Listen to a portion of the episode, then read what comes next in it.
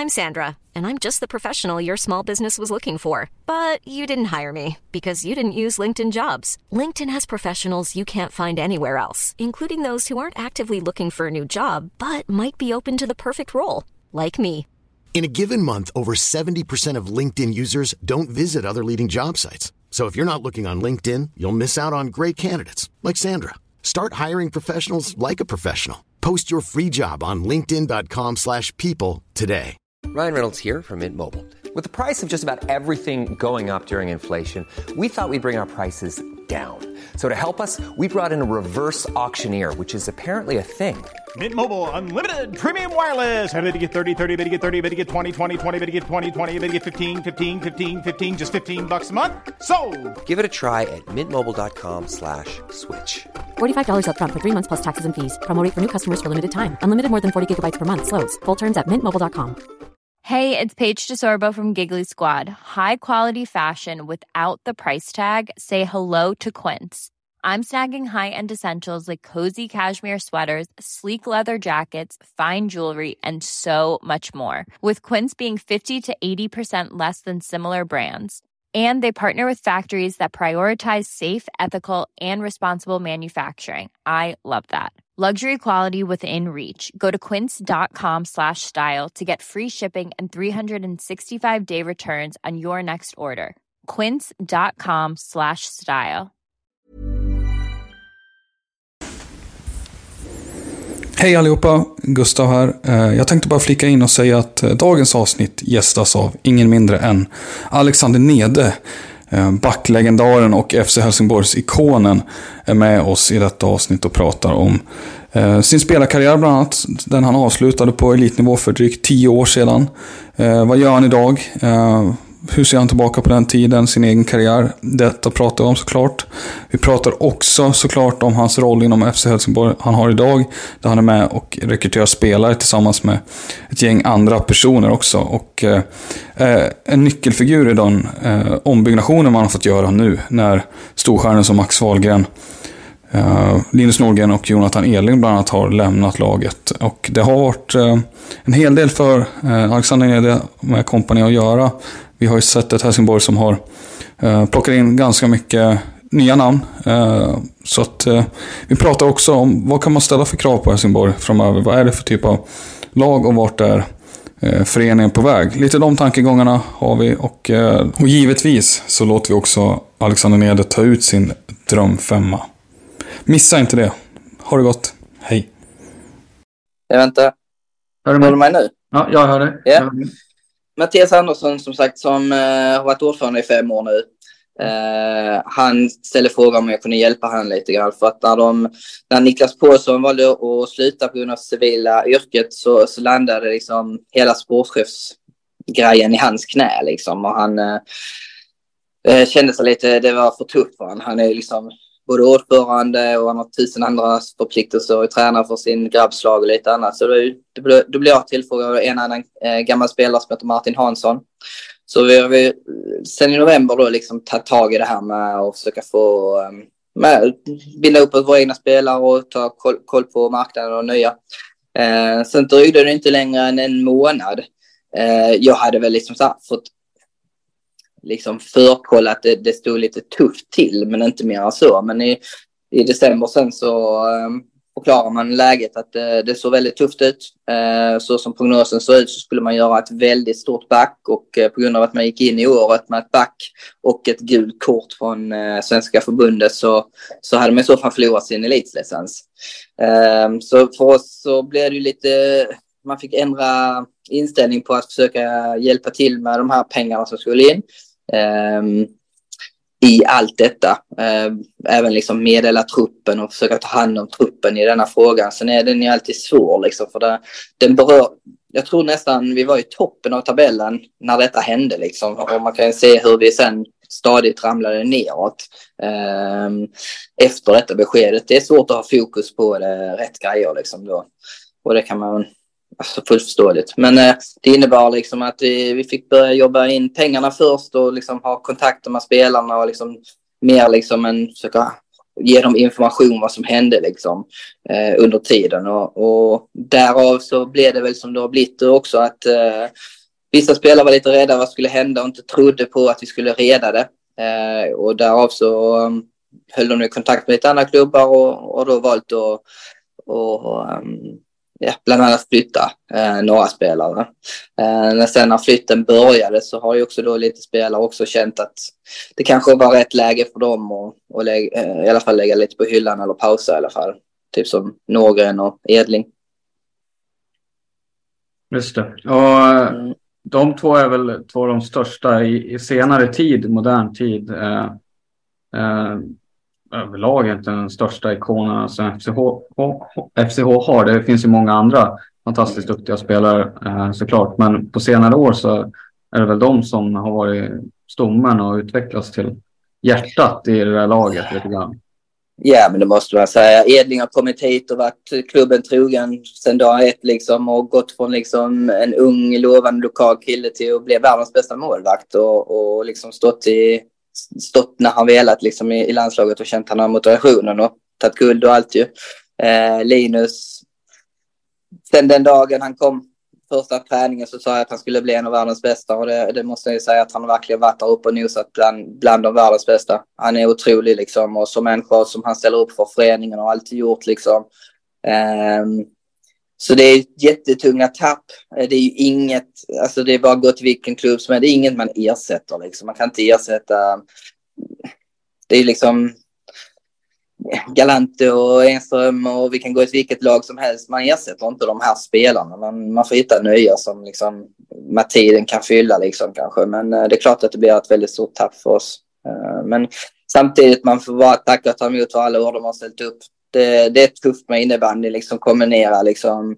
Linus har ett eget företag runt med det och två barn och Edling liksom har också ett chefsjobb, liksom har mycket tid och sen så också barn liksom. Det, det är inte lätt att vara iväg fyra, fem, sex dagar i veckan och matcher liksom. Det, ja, det, jag har full respekt att de väljer detta liksom. Så får vi se om det är för alltid eller nu eller vad det är. Det får man se. Finns det en eh, öppning där, har de från deras sida, att de kan komma tillbaka och göra något? Nej, men det, det, jag ska inte säga att det finns en öppning så, men det är inte så att de går till en annan klubb och går inte och spelar någon annanstans, utan de finns ju fortfarande i närområdet liksom och eh, jag tror inte... Alltså, jag hoppas och tror att vi inte behöver liksom ha den diskussionen med dem ens, utan att de kan komma och se, se matcherna på läktaren och njuta med sina barn och visa detta. Det är det jag hoppas på. Sen så ska man inte, hoppas jag inte de har stängt något och vi kommer definitivt inte stänga någonting, men jag hoppas inte vi ska behöva komma dit. Eh, annars då, vad säger du om eh, den eh, händelsen annars liksom i truppförändringar som har skett. Eh, det har plockat in ganska många namn blev det ju. Eh, när vi först hördes, eh, ja, när jag stämde av med dig lite grann om du vill vara med i detta, så det, det, var ju ett tag sedan och sedan dess har det ju hänt ytterligare grejer i, i truppen. Det är många killar gemensamt tänker jag spontant. De är i åldern 20 till 25. Det är kanske killar från lägre divisioner, kanske mindre etablerade om man säger så. Mm. Men, men vad kan du säga om de här killarna som ni har plockat in här nu? Um, ja, men alltså vi har ju skannat av marknaden. Vi, uh, vi sitter i den sitsen att vi tappar de spelarna vi har gjort. Uh, och när vi då ser liksom vilka vi har tappat och hur, vad vi har så har vi liksom känt att vi, vi sitter i den situationen där, där vi får passa på att uh, förändra den kulturen vi känner har varit. Ja, liksom, Linus och de här som varit med och satt den typen av prägel som de har gjort. Eh, både till gott och ont liksom säkert liksom med, med alla. Liksom alla vi personer har båda sidor liksom att, att nu får vi se att okej, okay, nu, nu måste vi ersätta den här äldre generationen med en lite yngre där vi kan bygga på. Vi kan liksom inte, vi har inte kraft och, och att liksom köpa hit fyra landslagsspelare. Utan vi har skannat marknaden, vi, vi tittar mycket på hur de är som människor. Eh, vi vill ha in lite mer eh, vinnarskalle, eh, mycket attityd. Eh, mycket som gamla Högaborg Ramlösa kanske bestod av. Um, och då, då är det ett yppligt läge liksom. Och då är det inte liksom bara till att scanna upp i elitserien tror vi. Och, eh, utan vi, vi har försökt se oss om liksom både i närområdet eh, men även liksom vad det finns lite, lite bortom där liksom. Ehm, så det, det, det är väldigt eh, viktigt för oss att kunna bygga en trupp som tror på detta, tror på varandra, gillar varandra, sätta liksom lagbygget och det, där tror vi att vi har landat i någonting bra liksom. Vi, vi får ner någon rutinerad, eh, Niklas Bolin Ljung då från Dalen liksom har varit med i massa år. Eh, jag tror han har, om inte han har tio säsonger i SSL och han är bara 26. Eh, känns som en jättebra kille. Han har ju då spelat ihop med Kristoffer Andersson eh, bland annat och har den kontakten. Eh, som gjorde att han var intresserad av att komma ner här. Eh, sen så de här unga, eh, jag vet inte vilka vi ska direkt nämna, men alltså av de unga här så, så blev jag egentligen kontaktad av en eh, och fick tipset om Felix Suntisalo. Uh, om att han hade gjort det bra uh, i, i Kungälv. Uh, så vi hade han ner och tittade på han och det var intressant och sen lite di diskussioner med han så kom då Hannes eh, Anderssons namn upp. Han har ju då utmärksammat rätt så mycket poäng i de divisionerna. Eh, jag vet även att han, eh, han tränade med Pixbo flera gånger förra året och det var ju mycket också bland annat, han har ju sin pappa som tränare. Thomas eh, Hammar Andersson för de som inte vet. Ja, exakt. Och ehm, jag hörde mig för och vi eh, stämde av lite kring han och lite annat och kände att eh, det kanske är en liten eh, oslipad diamant. Eh, det är alltid svårt det här med att komma från lägre ibland och gå upp och, och man kan inte ha förväntningar på att det är samma siffror vi pratar om där. Liksom. Det, det är en helt annan, ett helt annat spel. Liksom. Men eh, vi såg han lite på träningen och tyckte, tyckte om det vi såg. Uh, så att eh, det ska bli himla intressant att följa han. Jag tror det är mycket rätt omgivning. En, en som kan slå några passningar till honom så kan han vara med och tampas om lite poäng där. Uh, Simon Svensson eh, lyckades så knyta till efter den som hände för han i, i Varberg. Som, utan att gå in på det så jag tyckte det var märkligt. Men vi fick en bra kontakt med han och han var jävligt sugen på att göra mer. Um, så vi är väldigt glada att han kommit. Han tror ju väldigt mycket på en jävla vinnarskalle. Han vill ge allt liksom och jag tror vi kan eh, heller ingen direkt ålder på han alltså utan mm, hoppas du får han bra, bra, bra stäm direkt och trivs här nere så hoppas jag att han är här i massor år till. Liksom. Är det en kille som, han, men han är ändå också väldigt rutinerad, precis som Niklas Bryn Ljung, så har han många år från eh, spel på högsta nivån eh, och allsvenskan mycket. Alltså kommer han få en relativt stor roll redan direkt i det här laget eller?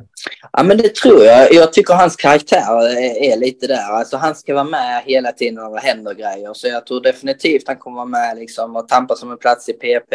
Han kommer vara med i de två första femmorna tror jag definitivt liksom. Den kille som redan på träningar nu visat vägen liksom. Visar fram, fast han kommer som en ny som kanske andra nya kanske tar lite försiktigt så går han in och visar vad som, vad som gäller och vad han kräver både med sig själv och på andra. Och han har ändå varit lagkapten ett tag i Varberg och annat så han, han det, det är som man behöver ha som står längst fram och visar vägen. Så jag tror han med, med några av andra gamla kommer att göra det.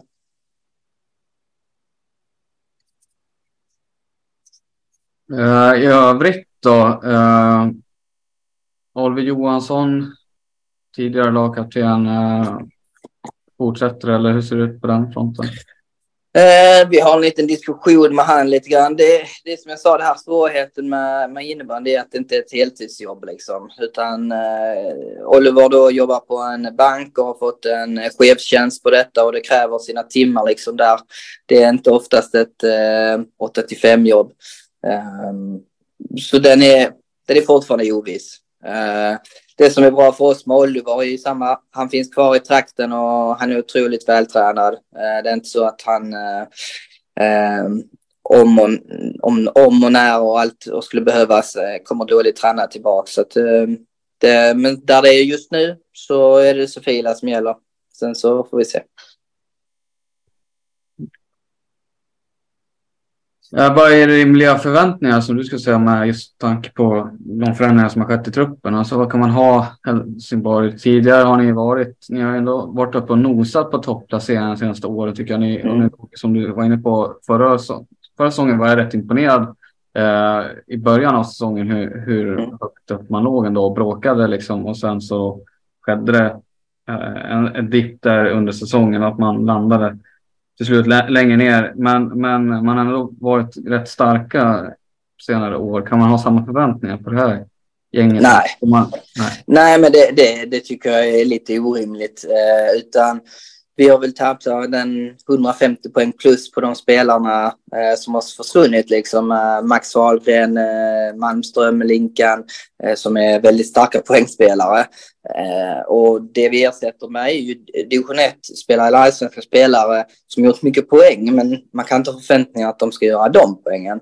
Det gör ju att Nej, vi kan inte räkna oss som vi har innan haft förhoppning om att kanske vara uppe och tampas med topp fyra-lagen. Och hade vi behållit eh, de här spelarna så tror jag definitivt det är där och lite till vi hade siktat på. Nu, jag tycker att eh, jag har inte stenkoll på hur de andra lagen ligger i sina värvningar, vad de tappar och annat, eh, det, ska jag säga. Men jag tycker att en sjunde åttonde plats är någonting definitivt vi ska sikta på. Sen så är det liksom hur man får stämmet, hur tränarna får det att leverera. För att det är så viktigt och det tror jag många lag i, i serien har liksom att får tränare ut ungefär 105 procent av varje spelare så, eh, i, i på två, tre, fem år så blir det jävligt bra.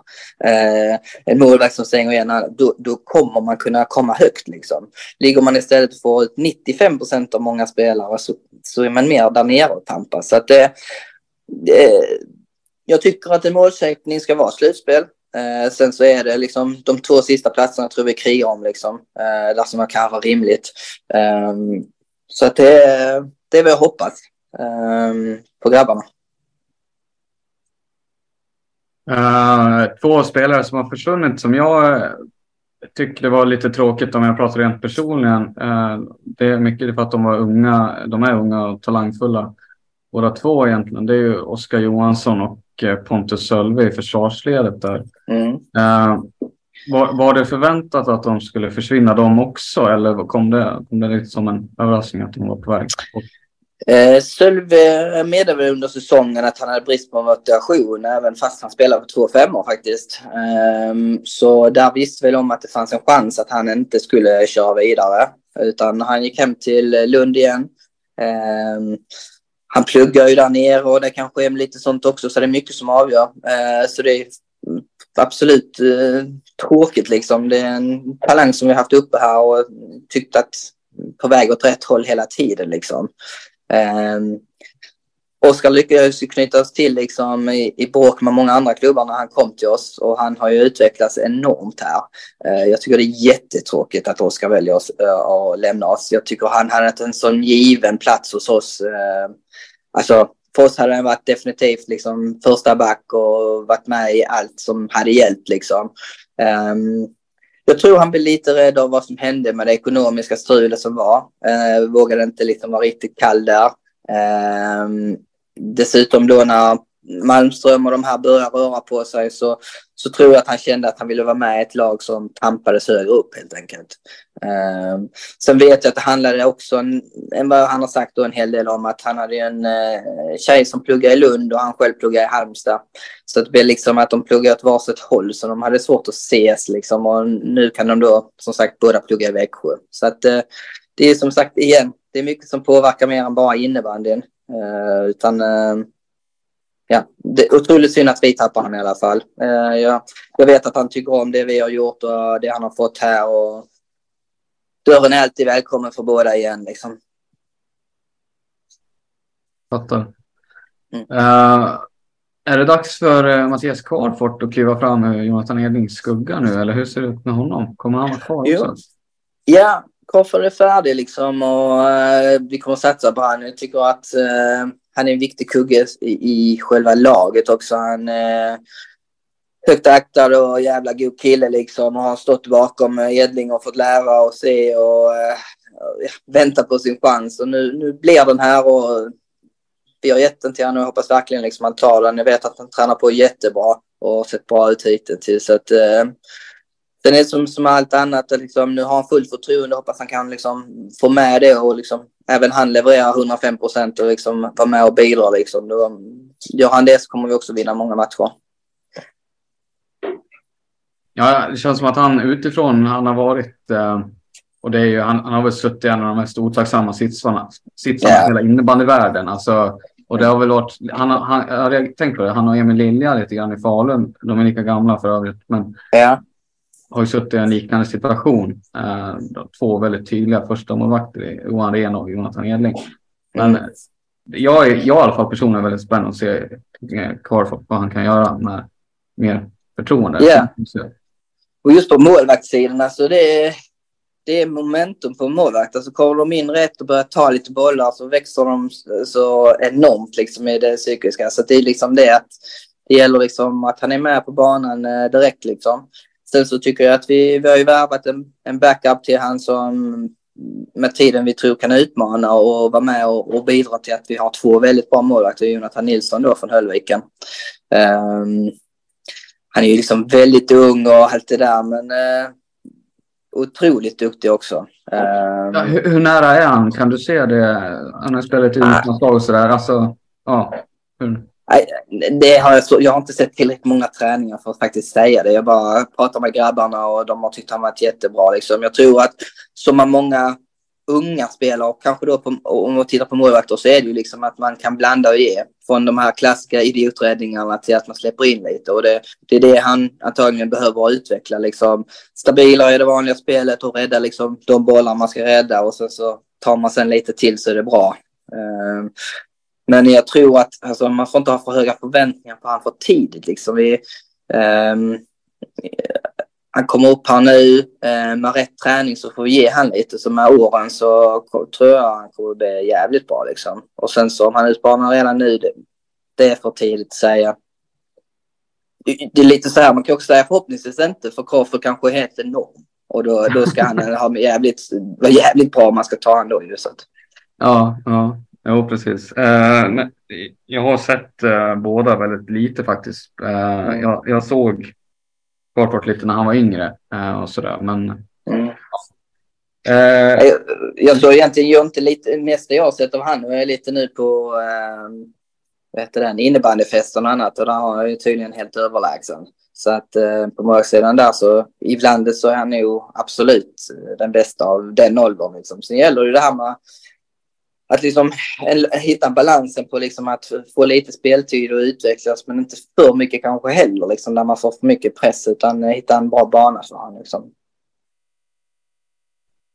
Ja, det är omställningen också till eh, seniorinnebandyn på allvar och yeah. eh, visst har han väl fått en hel del av men eh, också högsta serien där. Det, det, är väl ganska stor skillnad mot hans tidigare miljö i Höllviken. Yeah. Ja, och han var inte riktigt ordinarie i Höllviken heller ska man också säga. Så att alltså, där som sagt förväntningen får ändå vara på liksom, att han ska mm, med rätt träning utvecklas och fortsätta bli. Och, som sagt, han är bara 19 liksom, det är inte ens säkert att han ska växa på sig lite till och ha lite försäsonger i sig och bygga på sig och bli liksom ytterligare både större och snabbare och allt. Och då kan han göra det samtidigt och fortsätta med det målvaktstekniken liksom. Så, så kan han bli en enormt viktig kugge liksom. Det är absolut liksom Edling-kvalitet i han. Ja, det är ändå stora ord faktiskt. Det är inga dåliga.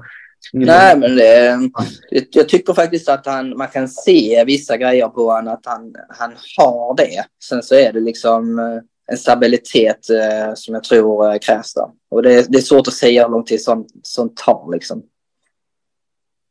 Uh, finns det några ytterligare likheter annat än namnet med er tidigare forward och uh, lagkapten som numera håller till i Schweiz? Uh, Max. Nej, Jonathan Nilsson tänkte jag. Jo, ja, ja, ja, förlåt. Jonathan Nilsson. Eh, tänker du på om han skulle vara på väg hem eller vad tänkte du? Ja, kanske det. Ja, jo, men eh, såklart har vi eh, kontakt med alla våra spelare som har varit här. Eh, framförallt Jonathan som är en Skånepåg och en FCK-kille ut i fingerspetsarna. Um, jag som själv har varit i Schweiz vet hur jävla bra och roligt man har där nere. Så att jag är bara glad för hans del att han trivs bra och att de kör på där nere. Både han och Gurra gör jättebra ifrån sig där nere. Um, så um, absolut. uh, när, när det är dags för han så uh, jag är rätt säker på att vi kommer att vara ett, ett alternativ han ställer högt liksom. Uh, och så ska det funka liksom beroende på, igen, han kanske ska ha ett jobb i, här hemma i Sverige och vara i det och få det kombinera och allting så att, eh, men nej, vi har kontakt absolut. Men han verkar trivas bra där. Det finns ju många som är där en eh, säsong eller så där, och sen så tröttnar de eller av någon anledning så flyttar de hem ganska snabbt ändå. Men han, han verkar trivas bra där.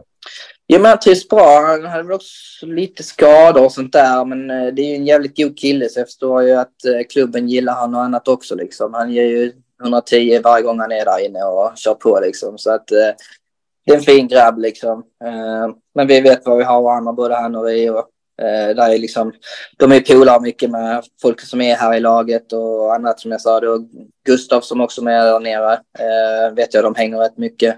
Eh, jag tror nu Max när han ska ner så bor han rätt så nära Gustav också. Eller så där. Så vi, de är nog några som hänger där nere.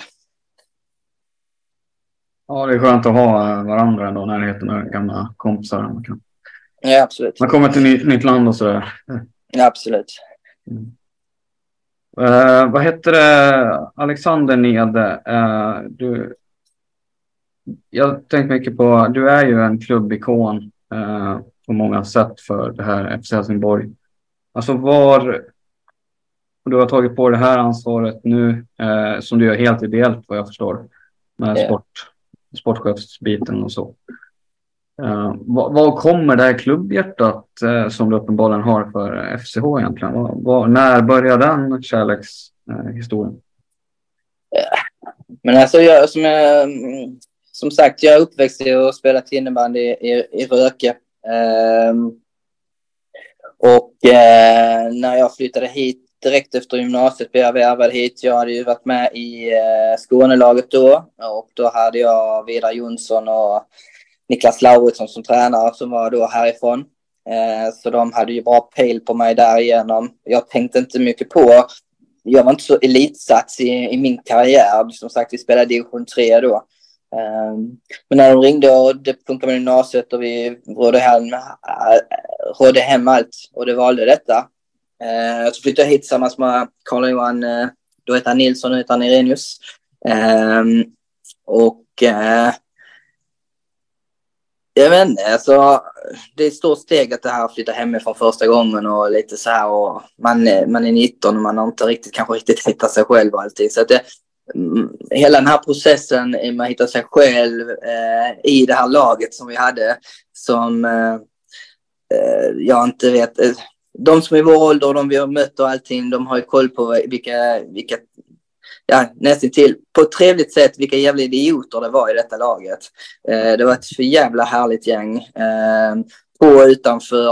Eh, gav 110, 120, alltså de var magiska. Eh, många och liksom man fick lära sig både den hårda tuffa vägen men på något sätt när man Eh, bemöter och gör det på rätt sätt så kommer man väldigt bra in i en grupp också. Så vi hade en jävligt bra tajt grupp. Eh, vi kom ju som nykomlingar 01 eh, och ledde serien efter halva säsongen tror jag. Ehm, ja, jag tror, jag tror den, den som efter halva säsongen när vi ledde serien så tror jag det, det laget som hade näst mest utvisningsminuter hade typ 30. Och jag tror vi hade 80 då. Och så ledde vi serien. Vi hade plusstatistik i boxplay.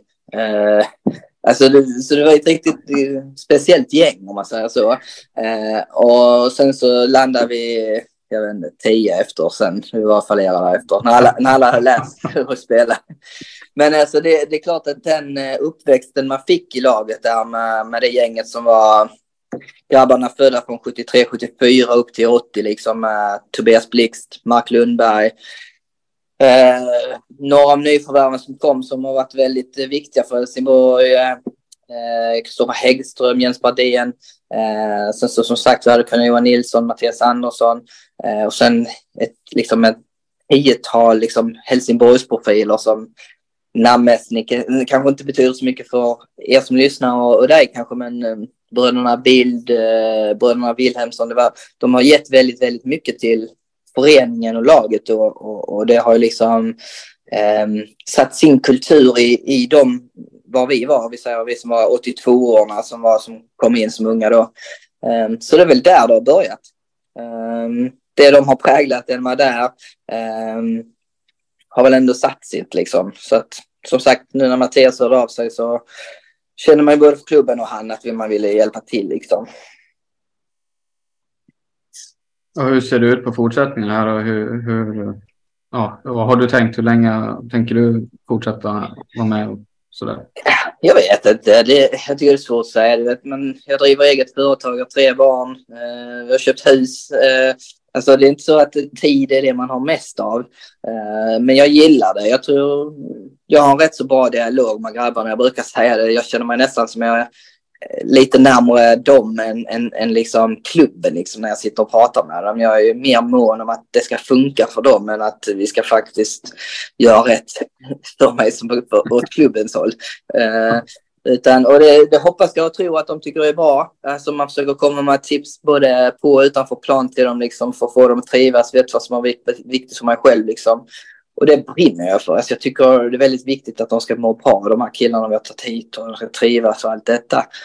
Um, så därav så vill jag gärna fortsätta. Så får vi se liksom vad, vad, vad det tar i tid. Nu har det varit extremt mycket tid därför vi har haft så extremt stor omsättning på spelare. Så det har varit eh, sjukt mycket timmar, om fler än vad jag har trott liksom. Ehm, men eh, det kanske kan, kan bli ett mer normalt av detta till nästa säsong och vi kommer bättre rustade in i detta. Eh, jag tror inte jag nämnde det innan, men liksom att problemet med ekonomin har ju vänts till väldigt positivt. Vi kom ju ur och kom in med ett eh, positivt resultat eh, i, i, i bokslutet här med 270 000 från att liksom över miljonen i skuld liksom. Så att det, det är ju jätteskönt att de som som är lagt mer, mycket mer tid än mig har rätt till hem detta och fått detta så här bra som gör att möjliggör att vi spelar elitserien och att vi kan ha en långsiktig satsning på det vi nu gör. Ja, just det. Vad, vad betyder det för, om man tänker SSL-truppen, eh, herrlaget då? Eh, det rapporterades ju, eh, sen huruvida det exakt stämde vet jag inte, men det rapporterades om att eh, spelarna förra säsongen bads gå ner i lön eller helt avstå från lön. Alltså hur ser du? Spelarnas förutsättningar egentligen? Har du, hur ser det ja, men alltså, förutsättningen var så när man tittade snabbt på siffrorna var de var på väg så behövde man göra någonting drastiskt för att då, det man såg då är det att vi har inte chans att hämta en miljon säger vi. Eh, och tittar man då på spelarnas löner så innebar det egentligen att om, om de hade valt att kunna spela utan sina löner från då och framåt så kanske man hade haft 800 000 mindre. Det vill säga att bara 200 man skulle behöva rädda in. Eh, så man ställde frågan väldigt öppen. Det var, inte någon, det var ingen som fick kravet att de skulle gå ner lönerna, att vi inte skulle betala ut någon lön. Utan man ställde frågan, är det någon som kan tänka sig att göra detta? Eh, I detta så kommer väl en chock där man kanske inte riktigt lyssnar som gjort att det blev turbulent. Liksom, där man trodde att man skulle spela utan lön. Men ingen spelare har liksom sluppit eller tappat någon lön under, under den säsongen som varit. Utan de har fått utbetalt allting hela tiden. Och det har egentligen varit vår förhoppning. Så att vi lyckas både behålla att de fick alla sina löner eh, och att eh, vi sen räddade hem det ändå. Ju en enorm insats av de som är. Sen så tror jag faktiskt att ska man ge något plus så är det faktiskt några stycken i truppen som har efterskänkt eh, någon lön. Eh, det är lite olika på spelare till spelare, men det är faktiskt spelare som har valt och sagt att de inte har behövt ha någon lön någon månad lite. Som de har varit självmant för, för klubbens skull, därför de har stort klubbhjärta. Um, ja, men så tillsammans så har vi rått hem det. Um, så att det är många som man skulle vilja namnge som har gjort ett jävla jobb och fått det hit i alla fall. Um, så det har ju möjliggjort att vi är här och att um, man har gjort en bättre balanserad budget och har lite bättre koll på det framöver här. och lite förändringar som gjort att det ser, det ser bra just ut. Så att årets trupp har ju inga konstigheter utan där det är liksom, det är så skillnad mellan vad, mycket, vad som är pengar som är i kassan och vad som är resultat också som, som inte alla kanske förstår heller som är en bokföringsteknisk grej också. Det är inte bara pengar i kassan som... Nej, just det. Just det. Mm. Just, uh, men uh, när, när du har kunnat förhandla med spelare och så där, hur, har, ni, har ni fått uh, tajta till de eh, löneposterna för de nya spelarna kanske? Eller har ni liksom, hur? Ja, men alltså vi, vi fick ju rätt så tydligt av styrelsen att inför kommande säsong, om vi då redde ut det, att eh, det kommer att bli en tajtare eh, spelarbudget. Eh, den eh, löste sig självmant genom att egentligen att de, de, de största posterna har ju valt att lämna eller sluta. Eh, så att, att, att spelare har blivit mindre har ju blivit naturligt. Eh, det är klart att det inte det är några större ersättningar till spelare underifrån som det är kanske på våra etablerade eller landslagsspelare såklart. Nej, för inte hänga ut någon, men det är klart att eh, ja, kommer man från division 1 så tjänar man kanske inte lika mycket som Linus Norgren gör. Nej, nej men fullt naturligt liksom. Det är med i, liksom i affärsvärlden och annat också. I, kolla vilken sport som helst. Det, det, är klart att man tjänar olika beroende på vad man har presterat och vad man förväntas prestera och allting sånt. Så det, det styr ju mycket där liksom. Uh, om vi pratar lite mer om din... Uh, vi pratade lite om det förut, men om du vill eh, ta oss tillbaka uh, lite du nämnde det att eh, sen du slutade, du gjorde väl en comeback där 2013, 2014 om jag minns rätt, eh, innan du slutligen la klubban på hyllan. Jag, comeback, jag var i Schweiz. Jag var i Schweiz ett år eh, och spelade nere i St. Gallen. Just det. Eh, jag har varit på gång dit många säsonger och aldrig liksom varit rätt tid. Jag hade mycket förfrågningar då när jag var med lite i landslaget. Eh, men då passade det inte för på den tiden så var man liksom, man tappade sin plats i landslaget om man eh, var i Schweiz för man inte koll på det på samma sätt. Så att, eh, men det ledde till att eh, eh 12-13 där så flyttade vi ner till Schweiz och spelade ett år där. Och sen så kom jag hem eh, året efter och, och, gjorde en säsong till innan eh, eh jag la klubben på hyllan. Ja. Året i Schweiz där, hur var det för dig tycker du? Nu ah, ah, det, var, det var ett magiskt år. Alltså jag älskar Schweiz och de lagkamraterna jag fick där. Det är eh, en hel del som är väldigt, väldigt goda vänner och de har varit här och hälsat på. Några som har till och med flyttat upp på butt ett tag. Um, Schweiz som land är fantastiskt tycker jag. Jag kan förstå alla som sticker ner och jag försöker övertyga dem att de ska göra det om de har chansen. Liksom. Um, vi hade lite speciellt det året, det laget jag flyttade till så, så slutade ju ja, liknande grej som nästan för oss då här. Jag, jag tror det var tio av deras mest etablerade som slutade. Så de, de flyttade egentligen upp sitt juniorlag plus att de uh, plockade ner mig och Marcus Gullstrand. Uh, så det var ju väldigt, vi var ju väldigt två gamlingar med massa, massa, massa juniorer.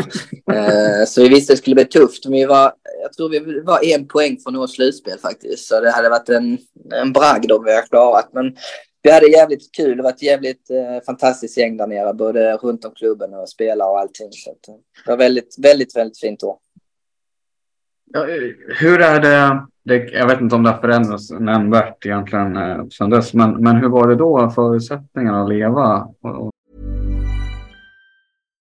One size fits all seems like a good idea for clothes until you try them on. Same goes for healthcare. That's why United Healthcare offers flexible, budget-friendly coverage for medical, vision, dental, and more. Learn more at uh1.com.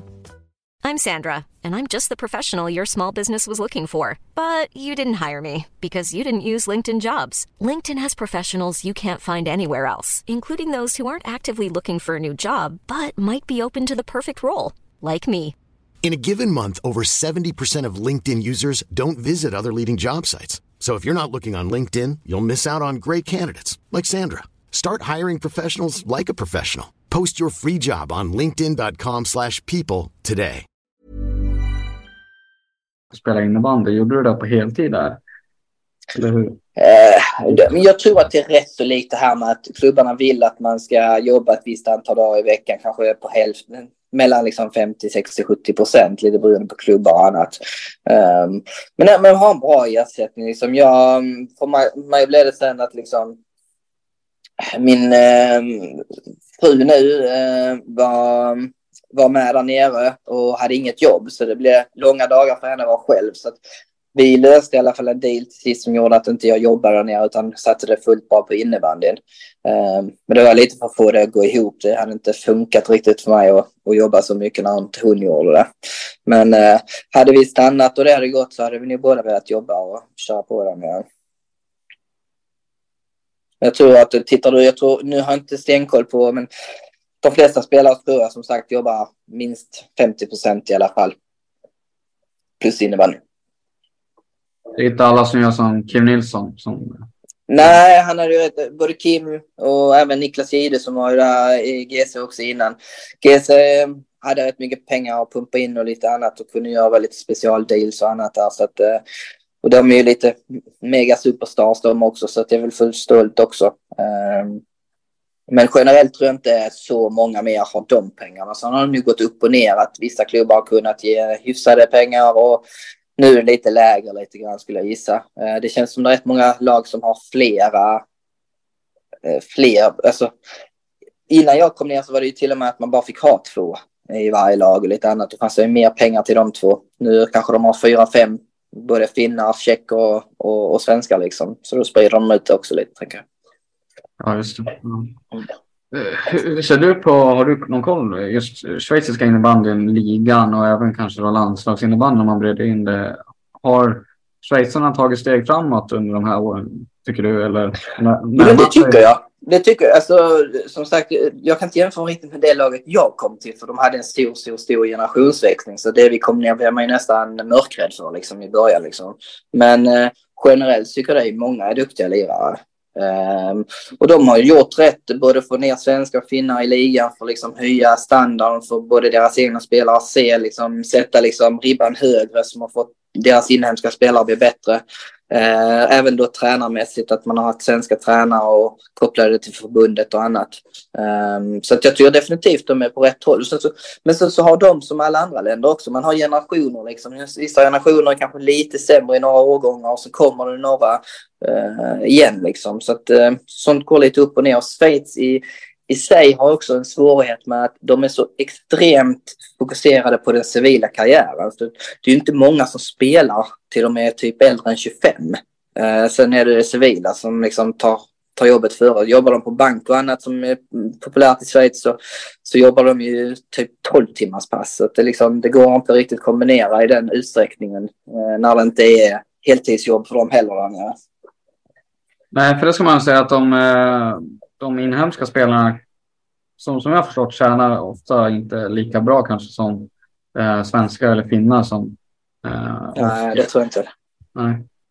Jag tror det var till och med i laget där jag, som, alltså, jag tolkar det som att nu som sagt, nu hade vi ett ungt lag så det var inte många av dem som hade fått några kontakt med en juniorkontakt. Men jag, jag skulle gissa att de många fick betala för att vara med och spela för att de, de hade olika grejer, att de var tvungna att dra in sponsorer på x antal jag skulle säga, alltså, utan, nu gissar jag lite, men jag för mig att de sa att de skulle dra in sponsorer 30 000 per man liksom. Oj. Är det var något sånt enormt liksom. Så ja. att de var tvungna att fixa det liksom. Ja, det hade man inte. Det hade inte en svensk eh, 17-18-åring löst tror jag. Alltså, Nej. Eh, så de hade sådana grejer så det gjorde att alltså, det blev ett enormt skutt mellan oss och dem lite grann. Och, och där också liksom, försökte man alltid hjälpa de här juniorerna vad man kunde. Liksom. Men um, jag, jag, jag vågar inte ens gissa om de bästa schweizarna har i närheten av några svenskar, men säkert någon, men definitivt långt från alla. Vad heter det? Har du något, eh, om du får tänka igenom hela din spelarkarriär egentligen, eh, något favoritminne som sticker ut för dig extra där? Eh, men det är några stycken. Alltså jag skulle säga att från juniortiden, eh, vi hade ett bra årgång där med 82 här nere i Skåne som har överraskat flera gånger. Vi har ju i alla fall med Skånelaget ett SM-guld och ett SM-silver som vi, där vi skrällde oss fram hela vägen båda åren liksom. Eh, med, med ett gott gäng som var väldigt skoj att göra det med. Eh, vi har även vunnit ett SM-guld och ett SM-silver med FCHs juniorer när jag kom hit. Eh, det var också jävligt fantastiskt, liksom. hela de resorna som man gör med juniorerna som de nu har med innebandyfesterna och sånt, det betyder mycket liksom. Ehm, sen på senior så skulle jag nog säga, som jag sa, första åren i, i Högerborg Ramlösa var eh, enormt lärorika.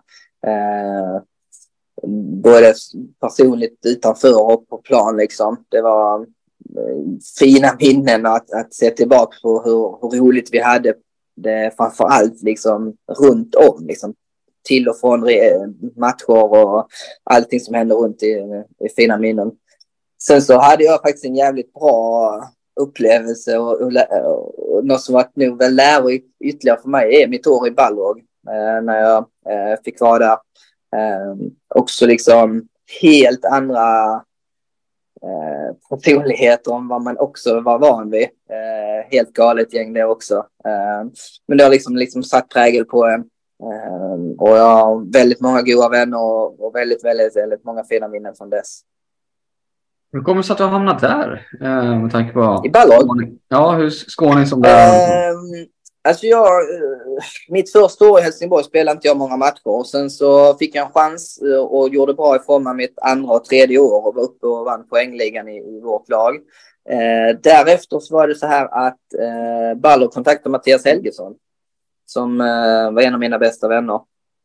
Och när det blev klart att han skulle sticka så, eh, så var det lite folk som skulle sluta och lite annat och jag stod och stampade lite grann kändes det som och, och valde då att kolla möjligheten att hänga med och då ville Balrog ha mig då också. Sen så var det en process på grund av att jag hade kontrakt ett år det året så att eh, det blev att eh, det blev skiljenämnd och Balrog skulle betala en summa pengar för att jag skulle eh, få komma dit.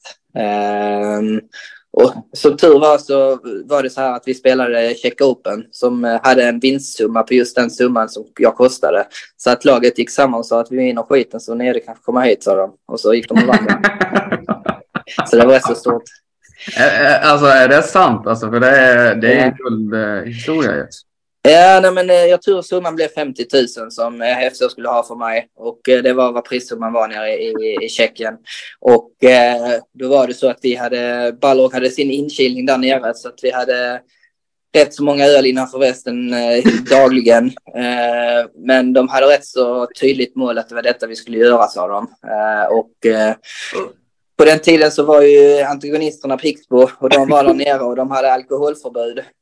Så kvällen innan finalen så sågs vi på ett utställe. De var toknyktra och vi var dyngraka. Men vi slog dem i finalen och vi fick pengarna och jag fick komma till Balder. Nej, förlåt. Jag klarar inte. Åh, oh, gud. Oh. Ja, den är skön där faktiskt. Det var väldigt roligt. Var, var det det roligaste inkilningen du har haft? Ja, nej, den var bra. Den var faktiskt jävligt bra. Det, som sagt, det var ett galet gäng. De hade, de hade vunnit SM-guld året innan. Eh, och tappade ju Mika eh, och, och eh, oh, jag glömde heta han Papo Sintonen, målvakten. Eh, Där och, brister mina kunskaper. Ja, jag tror han var väl en av världens bästa då också. Och det var väl någon till eh, jätteduktig back som jag inte kommer på namnet på nu. De, så de tappade några finnar. Men de hade ju ett fruktansvärt bra lag. Alltså Hannes Öhman, Oskar Fagerlund, eh, Mikael Kling, eh, Andreas Johansson, Daniel Dahlberg. Alltså det var, det var väldigt mycket folk som spelade in och ut ur landslaget, både i Sverige och Finland och annat. Eh, så det var, det var jävla fart på träningarna. Det var jävligt, det var en helt ny nivå för mig kan jag säga. Det, det var lite det som, som sagt, som hjälpte till det vidare med mig också. Att förstå standarden som behövde vara på varje träning var enorm. Duktiga, vi hade sjukt bra tränare. Vi hade eh, Micke Packalén och, och sen även då Ludde. Eh, och sen så kom det faktiskt in under säsongen så kom ju både Adam Grane tillbaka och gjorde comeback. Eh, Brottman gjorde comeback. Och eh, visst gjorde ju eh, trollkarlen från Botkyrka gjorde också comeback. Så att eh, det var det var idel legender på träningen där som för mig är någonting jag växte upp med och kollade över sargen på också i början. Ja, du hade, när du var yngre så tittade du på de spelarna? Du... Ja, eh, jag nämnde för dig innan att jag jobbar som fotograf. Jag var bland annat fotade lite finalmatcher mellan eh, eh Varberg och Balrog när de hade några av sina bästa kamper. Eh, så där stod jag ner vid sargen och som typ 16-17-åring och, och fotograferade dessa grabbarna. Eh, så att det, det är klart det var stora idoler när man eh, stod där nere och tittade upp på dem och sen plötsligt står man på träningen med Christian Hellström och grabbarna liksom. Så att det, det var stort. Ja, just det. Just det. Jag tänkte be dig faktiskt eh, sätta ihop, jag gissar att det inte är helt enkelt för dig med tanke på alla namn som du har spelat med under din karriär, men du ska få ta ut en femma tänkte jag. Och där nu är jag taskig mot dig för det här har inte jag förberett dig på. Men jag vill jättegärna att du försöker ta ut en, en femma. Plus målvakt. Uh, måste vara det, det måste vara de bästa eller måste vara det roligaste. jag tror, vi hade en aktad femma innan jag säger vilka jag skulle ta så hade vi en rätt så aktad femma. När jag kom till Balrog så året innan då när jag spelade Helsingborg så etta utvisningsligan var Andreas Nisse Johansson. Tvåa var nog jag och trea var Daniel Dahlbjer. Så året i Balrog så spelade vi tre ihop bland annat. I en kallad Psycholine. Och det kan man ju säga att vi har. Ja, det, det var stökig. den var stökig kan jag säga. Två... Men, ja. men och då kan man ju också säga att det var tuffa spelare också, men båda spelar ju också i landslaget. Andreas och Danne har varit lite uppe och tampats. Ja, det var, ju, det var ju bra innan man spelade. Det var ju skickliga innan man spelade. Tekniska innan ja. man spelade. Bra, alltså. Det var ju inga det var inga huliganer bara liksom? Ja, nej, inte bara. De var huliganer, men inte bara. ja. Men du har lugnat ner dig lite känns det som. Uh, jag, jag, känner inte dig särskilt, men det känns som att du vid sidan av ja, så är du ju rätt lugn. Ja, men det jag, jag tror det är så här på alla. Liksom. Men det är klart att många kanske hatar mig vad de har stött på en på innebandyplanen och sagt med Daniel Dahlberg eller Nisse eller Delborn eller med flera. Liksom, i alla de här som jag stött på. Men alltså, jag vet ju hur jävla trevlig Nisse är och Dahlberg utanför. Och jag vet att, liksom, att Delborn är en jävligt schysst snubbe utanför det, det, är vi ju allihopa. Vi är inte dumma i huvudet bara för att vi på planen liksom tänder till och vi gör allt för att vinna liksom för det laget man spelar för. Um, så att ja, jag tror, jag tror att de har ett bra kille hela tiden. Det är bara det att många andra får se bara liksom en sida av en. Uh, och då när man är motståndare så hatar man en och hade man spelat i det laget så hade de älskat en. Uh, det tror jag mycket. Det ligger nog mycket i det. Det tror jag absolut. Mm. Mm. Vad heter det? Det lät lite som att du hade ändå en femma där. Alltså det är svårt om man ska bara nämna de bästa man har spelat med eller hur man gör liksom. Jag, jag skulle kunna nämna en lite otippad femma tror jag. Jag skulle kunna nämna en lite mer tippad femma om man liksom har spelat med. Jag, eh, men om vi börjar med målvakten som för mig är given så är det Mattias Andersson i målet. Det är det bästa jag har haft. Han eh, var otrolig. Han hade lite otur med sjukdom mitt i allt eh, som störde, eller stannar upp hans karriär lite sånt. Men han var ju verkligen tidigt på väg in i, i landslaget och slogs med några av våra stora legender på målvaktssidan. Eh, och ja, lite samma som mig. Vi, I det gänget vi var så var de här som var störst på innebandyn då, de hade något år kvar. Som att vi som var där runt 82, vi hade det tufft därför vi tampades fortfarande liksom med Blixt för Matte i målet. Eh, Niklas Olofsson var ju också kvar. Eh, några till som också var världsmålvakter. Och för min egen del så, så var ju fortfarande Gide, Helgård, hela det här var ju fortfarande kvar. De, de hade några år till liksom, så vi har alltid haft tufft. Så att Matte borde egentligen ha fler landskap än vad han har kan jag säga, för han var enorm. Och stor, stor, stor anledning till att Helsingborg faktiskt har legat kvar i elitserien alltid. Eh, sen på backsidan Eh, den som jag tycker har varit den sjukt skickligaste backen jag spelar med är Oskar Fagerlund som jag spelar med i Balrog. Eh, åttan som han kallades. Eh, ja, han har ju dominerat landslagets innebandyn och, och, och för Sverige med så många år. Var så duktig i, i bara, allt han gjorde. Allt. Alltså, och också där Så jävla trevlig kille utanför. Så att eh, det är nog den backen som jag skulle säga har varit den bästa. Um, ja, för men han slutade hyfsat tidigt va, eller? Ja. För det var ett länge sedan. Ja, men som sagt, jag vet inte. Det är pendlingar och annat som ställer till det i Stockholm om man bor och annat och jobbar. Han är, jag menar man är kvar, men han var innan brand, brandman och liksom kombinera det med innebandyn och pendlandet mellan liksom där han jobbade för man jobbade Tyresö och sånt där. Och sen så då pendla ner till Botkyrka och sånt där. Det, de gjorde det ändå rätt många år så att man kan ändå förstå liksom att när det tar stopp liksom. Ja. Mm. Eh, center, eh, den som jag spelat mest med, som jag ändå trivs mest med, det är ju min gode vän och vapendragare Mattias Helgesson som är enormt stabil och gjort mycket landskamper och varit väldigt duktig.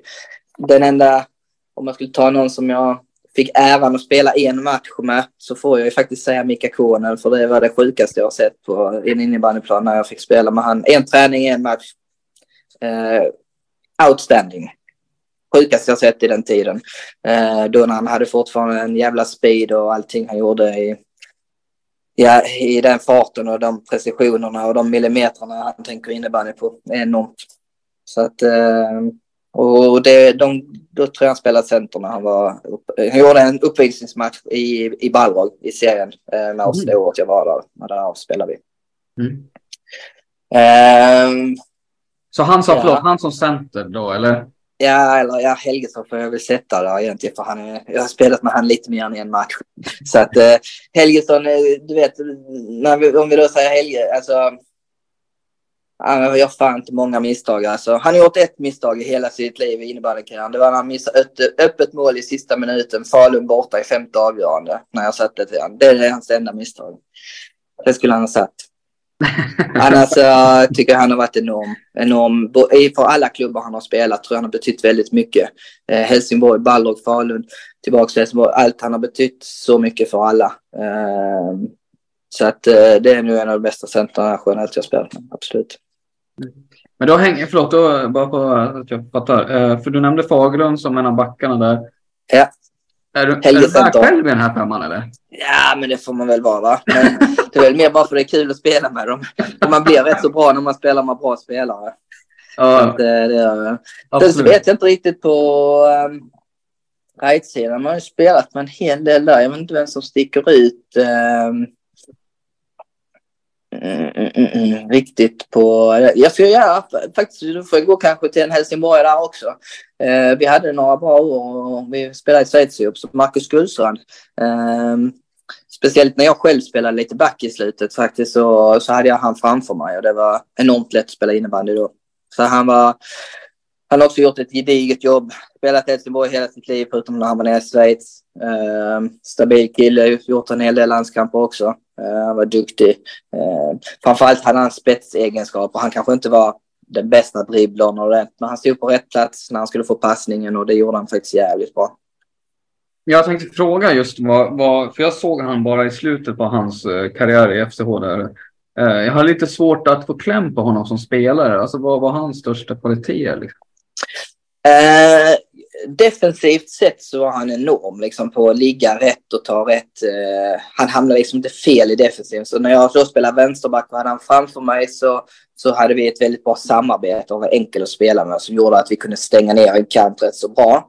Um, sen som sagt i det offensiva så, så han hade ett bra direktskott. Både i kontring kunde han använda men framförallt sen när vi hade etablerat spel så var han liksom svår att markera i slottet. Han rörde sig på ett sätt som gjorde att han hamnade i fria ytor vid precis rätt tillfälle så man kunde slå in bollen. Liksom. Så man, han, var, han var enkel att spela med där också i tajmingen tyckte jag. Um, så att, eh, han är väldigt ja, klassisk tvåvägsspelare, ska man säga så. Vi fortsätter. Uh, det ska vara en, en till ytterforward, en, en uh, högerforward då, gissar jag. måste öppna dörren här för mina barn tror jag. Vänta lite. Ja. Absolut. Absolut. Ja. Uh, en ytterforward. Oh, vem skulle det kunna vara? Um, det vilka jag har spelat med nu. Uh, ja, det var svårt. Uh, jag vet inte om jag nu skulle sätta mig... Jag har enkelt för mig att sätta mig själv som högerforward så jag har tagit den positionen så är vi klara. Nej, men vad jag kunna så säga? lätt ska inte ha Va? Så lätt ska du inte ha det. Nej, men vi säger väl... Eh, alltså, just som imponerat mig på eh, både match och träning så får jag säga att det är Christian Hellström. Eh, samma där. Kommer från den äldre generationen som har varit med och dragit upp innebandyn. Eh, han var um, enormt bra. Alltså, som sagt, Magi kom från Botkyrka. Han, eh, han gjorde vad han vill med en boll egentligen. Och det var, det var sjukt att kunna se det på så nära håll. Så det, det får jag säga imponerar mig. Är det den mest tekniska spelaren du har spelat med någonsin? Eller? Eh, ja, teknisk och kvick var han ju. Men ja, det är väl han och konen. Alltså de tänkte på... Eh, inte dit. Eh, de tänkte på ett innebandy på millimeter, både han och konen, liksom, som gjorde att eh, det var sån kvalitet i det de gjorde. Liksom. Ja, ganska bra, ganska bra spelare får man säga. Ja, men som sagt, jag har ju fått äran att spela med den här generationer generationen som har egentligen varit mina idoler lite grann. Eh, de som är liksom födda liksom, säg från 72 till 80 där. Eh, och det är ju många liksom, nu har jag inte spelat med några, alltså, men man kan ju liksom, de man, har, det, man väljer ju gärna kanske så här spelar man spelat med, men man har ju spelat mot väldigt många bra också. Eh, Kim och Eskulänge, Magnus Svensson, alltså de kan man stoppa in i vilken femma som helst liksom. De är enorma på sina. Så att jag tycker att om man ser tillbaka till sin karriär så, så är jag väldigt glad att jag, jag spelade då när jag gjorde det. Även om det var tufft just landslagsmässigt att ta sin plats liksom så, eh, så har man fått spela, spela med legendarer och profiler. Måste jag säga. Jag kan inte sitta här med dig och, och prata med dig utan att ta upp en, en eh, sak och det är ju Zorro-frågan. Mm. Uh, det, var ju, det var ju ganska ovanligt eh, när du spelade och det har väl blivit ännu mer ovanligt känns som nu senare efter att du la av lite grann. Men, men vad var grejen där uh, till att du använde Zorro när du spelade? Alltså grejen, det, alltså jag såg den först att det var några äldre spelare i Röke som eh, gjorde det som en rolig grej innan och efter träning och hade sådana monsterhookar och liksom mm, hade upp den i luften högt och tyckte bara det såg jävla fräckt ut. Eh, men jag var väldigt tidig när jag såg dem att detta borde man kunna använda. Så att jag började träna på det och sen så började jag använda det i en match som gjorde att jag blev väldigt tidig i, det. Liksom. Det var väl jag och Peter och sen då Janne Täcke som har vet. Ehm, jag, fick, jag, jag, jag eh, har alltid haft en bra spelförståelse så jag lyckades utnyttja, ha den här finten till att göra någonting vettigt av den. Ehm, om man nu ska jämföra lite med vad det närmast idag när vi tittar på dagens straffar och sånt där som jag tycker inte är, är på ett vettigt sätt. Eh, där den inte kommer till sin rätt på samma sätt så gjorde Peter och jag det i alla fall i, i matcher och i fart eh, på ett sätt som eh, hjälpte, hjälpte oss och vårt lag och både jag poäng och annat och även liksom ge, ge en viss del uppmärksamhet till innebandyn. Ja, det får man ju verkligen säga att det har ju blivit, i och med att det har blivit mindre så tappar man ju också lite den USPen kanske innebandy som sport. Eh, att man får kanske lite mer, jag vet inte om det, men, men det är helt klart att det var ju en USP som man hade lite grann och den har ju stort försvunnit nästan förutom att den används på vissa straffsituationer och sådär. Men du är inte för att använda det på straffar alltså om jag fattar dig rätt? Jo, om man hade haft reglerna som det var innan.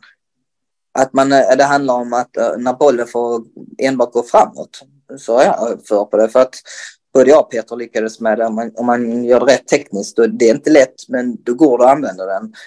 Um, då tycker jag det är en del i att är, är man tillräckligt skicklig att göra det uh, så är det en av våra verktyg. I dagens, eh, jag hänger inte riktigt med vad det är för överraskning idag när man kan ta upp den på mittplan och gå med den fram och tillbaka.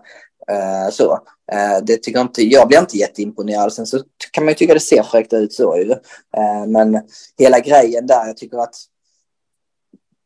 med den regeln som har varit förra året eh, och hur man kan göra så, så borde det vara 100% mål när du använder Zorro för att du kan flytta bollen liksom två meter i sidled. Alltså det är inte lätt för båda. Det är imponerande de gånger de tar dem liksom och kan psyka spelaren till att missa liksom. Eh, men där, där, där är ju liksom, det är inte fel på storyn, det är ju fel på regeln i detta fallet tycker jag. Ja, intressant, intressant. Det blev ju uppmärksammat nu i senaste slutspelet. Ja. Det var väl var det Pixbo som använde det bland annat i tror Linköping? Ja, Linköping var det som ja. blev mest där. Mm.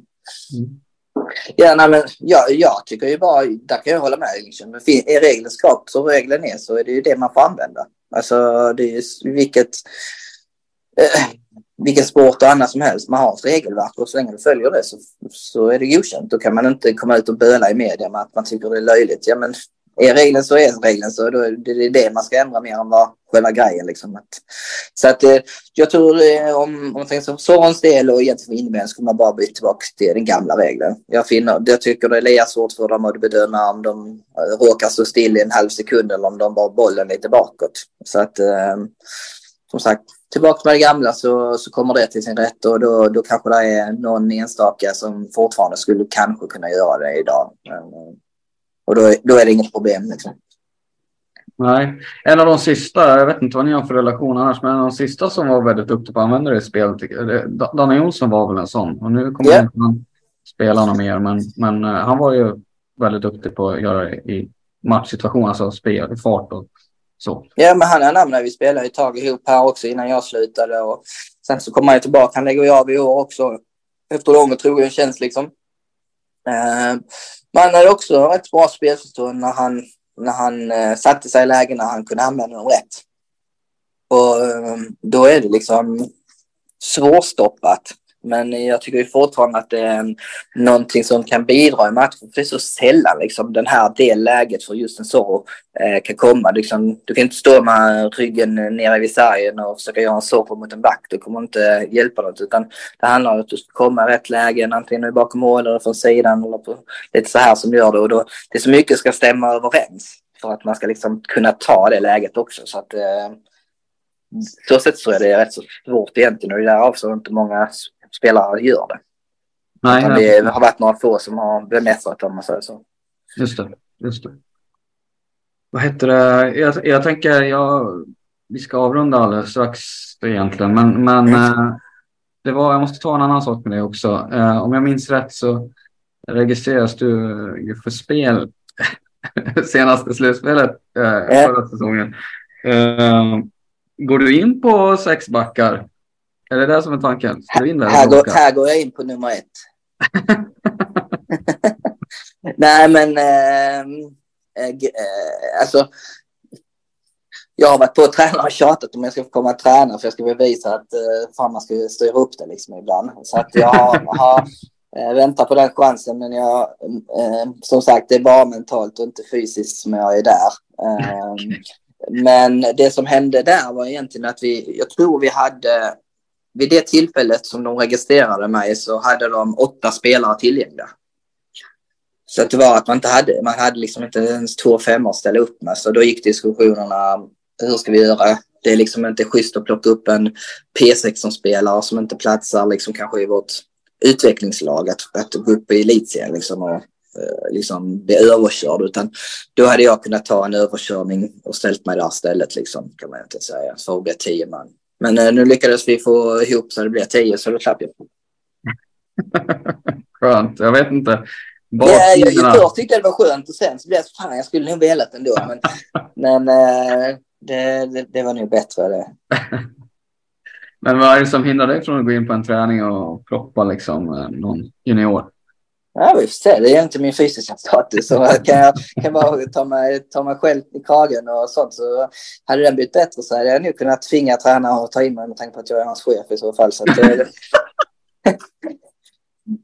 Nej, men man vet aldrig. Alltså, man, man skulle väl göra det därför jag, jag kan tycka ibland att denna generationen som spelar innebandy nu saknar en hel del grejer som jag tycker i, i vår och lite tidigare ålder har fått från lite barnspel. Jag tycker eh, jag saknar lite profiler, jag saknar på uh, lite, eh, alltså jävla namn liksom komma dit och faktiskt ge allt på träningen och sen så skaka hand efter liksom. Jag tycker att det har blivit för, eh, eh lite för, eh, för mycket sidobena och bara välkammat och nu kör vi och kör en träning och bockar av väkten och så är det en ny träning imorgon och, och så bara rycka på axlarna liksom. Jag, jag tror jag tror att vi inte har varit den enda föreningen som har varit så. Jag tror att, för jag, jag är god vän med, med Peter Runnestig som sitter på eh, en hög sportslig roll i Pixbo också. Han, han sa förklara. Jag är sjukt imponerad måste jag säga av Peter och det han gjort med Pixbo. Eh, han ska ha en jävla eloge. Eh, och eh, det var sjukt intressant att sitta och lyssna på honom lite när han berättade om detta. För de har också haft samma problem liksom. Vem fan vill vinna eh, snällaste laget i elitserien? Alltså, det, det är inte det priset man siktar efter och det vet jag att han kände också. Och där, där behöver man komma in. Så om man säger för, för det här att bilda lite ny, ny och bra kultur så kanske de skulle behövt lite av det gamla också. Eh, så det kanske man får gå in och proppa till dem lite på någon träning. Se om det, om det accepteras av styrelsen. Men det är för snällt lite grann. Kan man sammanfatta det så? Är det... Ja, jag tycker, alltså, det är mitt, jag tycker totalt sett innebandyn är mindre profiler och alltså, på den tiden jag spelade så jag, det var ju liksom 20-tal profiler som folk ville komma och kolla på matcher. Allt från killarna i AIK, i Conny Westerlund och Mamera där, Låradal, hela det gänget. Till Ballerkillarna, till killarna uppifrån Dalen, killarna och Helgård, grabbarna från Pixbo, Varberg. Alltså alla hade sjukt mycket profiler som folk kom till matcherna och så. Men liksom jag kan ju nämna, alltså jag kan inte nämna i, nästa års femma i, i Pixbo, jag har ingen aning vilka de är i första femman knappt. Jag vet om det är några duktiga juniorer som gjort jättebra från sig, men jag har ingen aning vad de heter. Samma, jag kan ju säga fyra lag till där jag är typ samma. Ja, och, ja, jag, ja, där är någon som heter Sankell i Växjö som lite profil, ja. Men alltså, det tar slut rätt snabbt där. Eh, så jag, det saknar rätt mycket innebandyn och det tror inte jag är själv. Liksom. När man stöter på folk som liksom ändå har koll på vem jag var så är det det de säger. Liksom.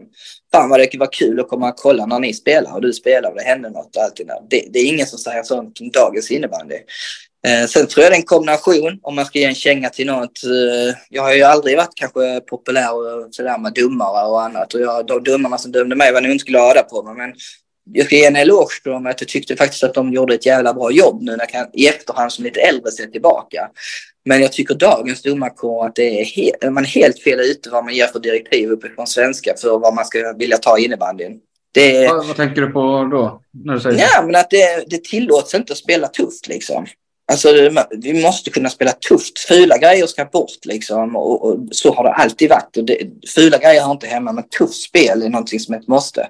Eh, och det tycker jag att man är helt fel ute ibland hur man dömer liksom innebandyn. Jag tycker, alltså det är för mycket att man liksom slår sig på pannan och undrar vad fan de tänker med för ofta. Alltså de är också människor, de får göra fel och allt det där som man kan prata med dem Men jag tycker, tittar du generellt så tycker jag det är alldeles för dåliga domare och att de har helt fel inställning på hur, hur innebandyn ska spelas. Och väldigt många som inte har spelat på nivå som står hur innebandyn är. Så att, det är en kombination av det och vad svenskar gör, vad domarkåren gör och, och jag tycker det är en åldersfråga. Åldersfråga på vilket sätt? Nej, men alltså, de, alltså hur, hur man är egentligen uppväxt allt från sina föräldrar. Vi från 80-talet till 90-talet till nu 2000-talets barn som är uppe här och spelar liksom. Så att eh, det är för mycket snällt. Man är där och det ska latchas och det ska spelas innebandy som till viss del är bra. Liksom innebandyn är snabb eh, idag. Men jag tycker inte den är så intressant som den borde kunna varit. Nej, det är en intressant fråga där. Den är ju otroligt stor på ett sätt. För att, jag menar, det går att väva in. Eh, jag gillar att prata om det också. Alltså framtiden för innebandy. Vart innebandy på väg som sport. Alltså, jag tycker att innebandy har tagit steg på många plan.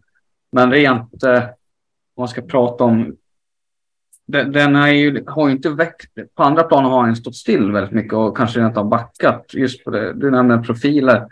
Jag håller helt med där. Alltså det, det tappar liksom allt vad det heter. Det finns väldigt mm. få sådana kvar och, och, även kanske just det fysiska spelet har förändrats på ett sätt. Uh, lite så. Ja, men också den ekonomiska faktorn i innebandy. Förutsättningarna för innebandyspelare har inte, det har inte gått särskilt mycket framåt. Uh, varken på eller på här sidan. Vilket är en sak som frustrerar mig väldigt mycket. För jag vill ju att innebandy ska bli mer professionell på det sättet mm. också. Bättre förutsättningar såklart. Det vill alla. Men yeah. det, det är, ja, det, jag tänker det, det hänger ihop också på något sätt. Precis, det är inte bara en sak. Det är liksom många grejer som gör att det blir så här. Och liksom, men det är en, jag tycker där är vissa av de här grejerna som jag tror att vi ändå har, har haft möjlighet att, att hjälpa i rätt riktning där jag tycker vi har gått i fel riktning. Um, så är det. Mm. Ja, jättespännande att höra, eh, tycker jag. Vad heter du, Alexander Nede? Eh, jag tycker eh, vi börjar närma oss någon form av slutpunkt för det här. Jag har haft jätteroligt. Jag tycker det var jättekul att du ville ställa upp i, i podden här. Mm, tack. Och jag är helt övertygad om att de som lyssnar på det här tycker samma sak. Ja, det får jag hoppas jag. Stort tack i alla fall ska du ha. Ja, det är lugnt. Tack själv. Jag ska avsluta här bara, men du får gärna hänga kvar så ska jag stänga mm. av. Uh, sen, men du får gärna hänga kvar. Uh, ni som har lyssnat på detta avsnittet ska ha stort tack. vi kommer fortsätta jobba med att släppa fler avsnitt framöver här i sommaren. så att in och följ oss på våra sociala medier så är ni först med att få veta när avsnitten kommer. Vi heter ju du SSL överallt. Eh, det är mestadels Facebook och Instagram som vi är inne på. Eh, tack så jättemycket för att ni lyssnar på detta. Eh, det uppskattar vi jättemycket. Eh, ha det gott där ute så hörs vi snart igen.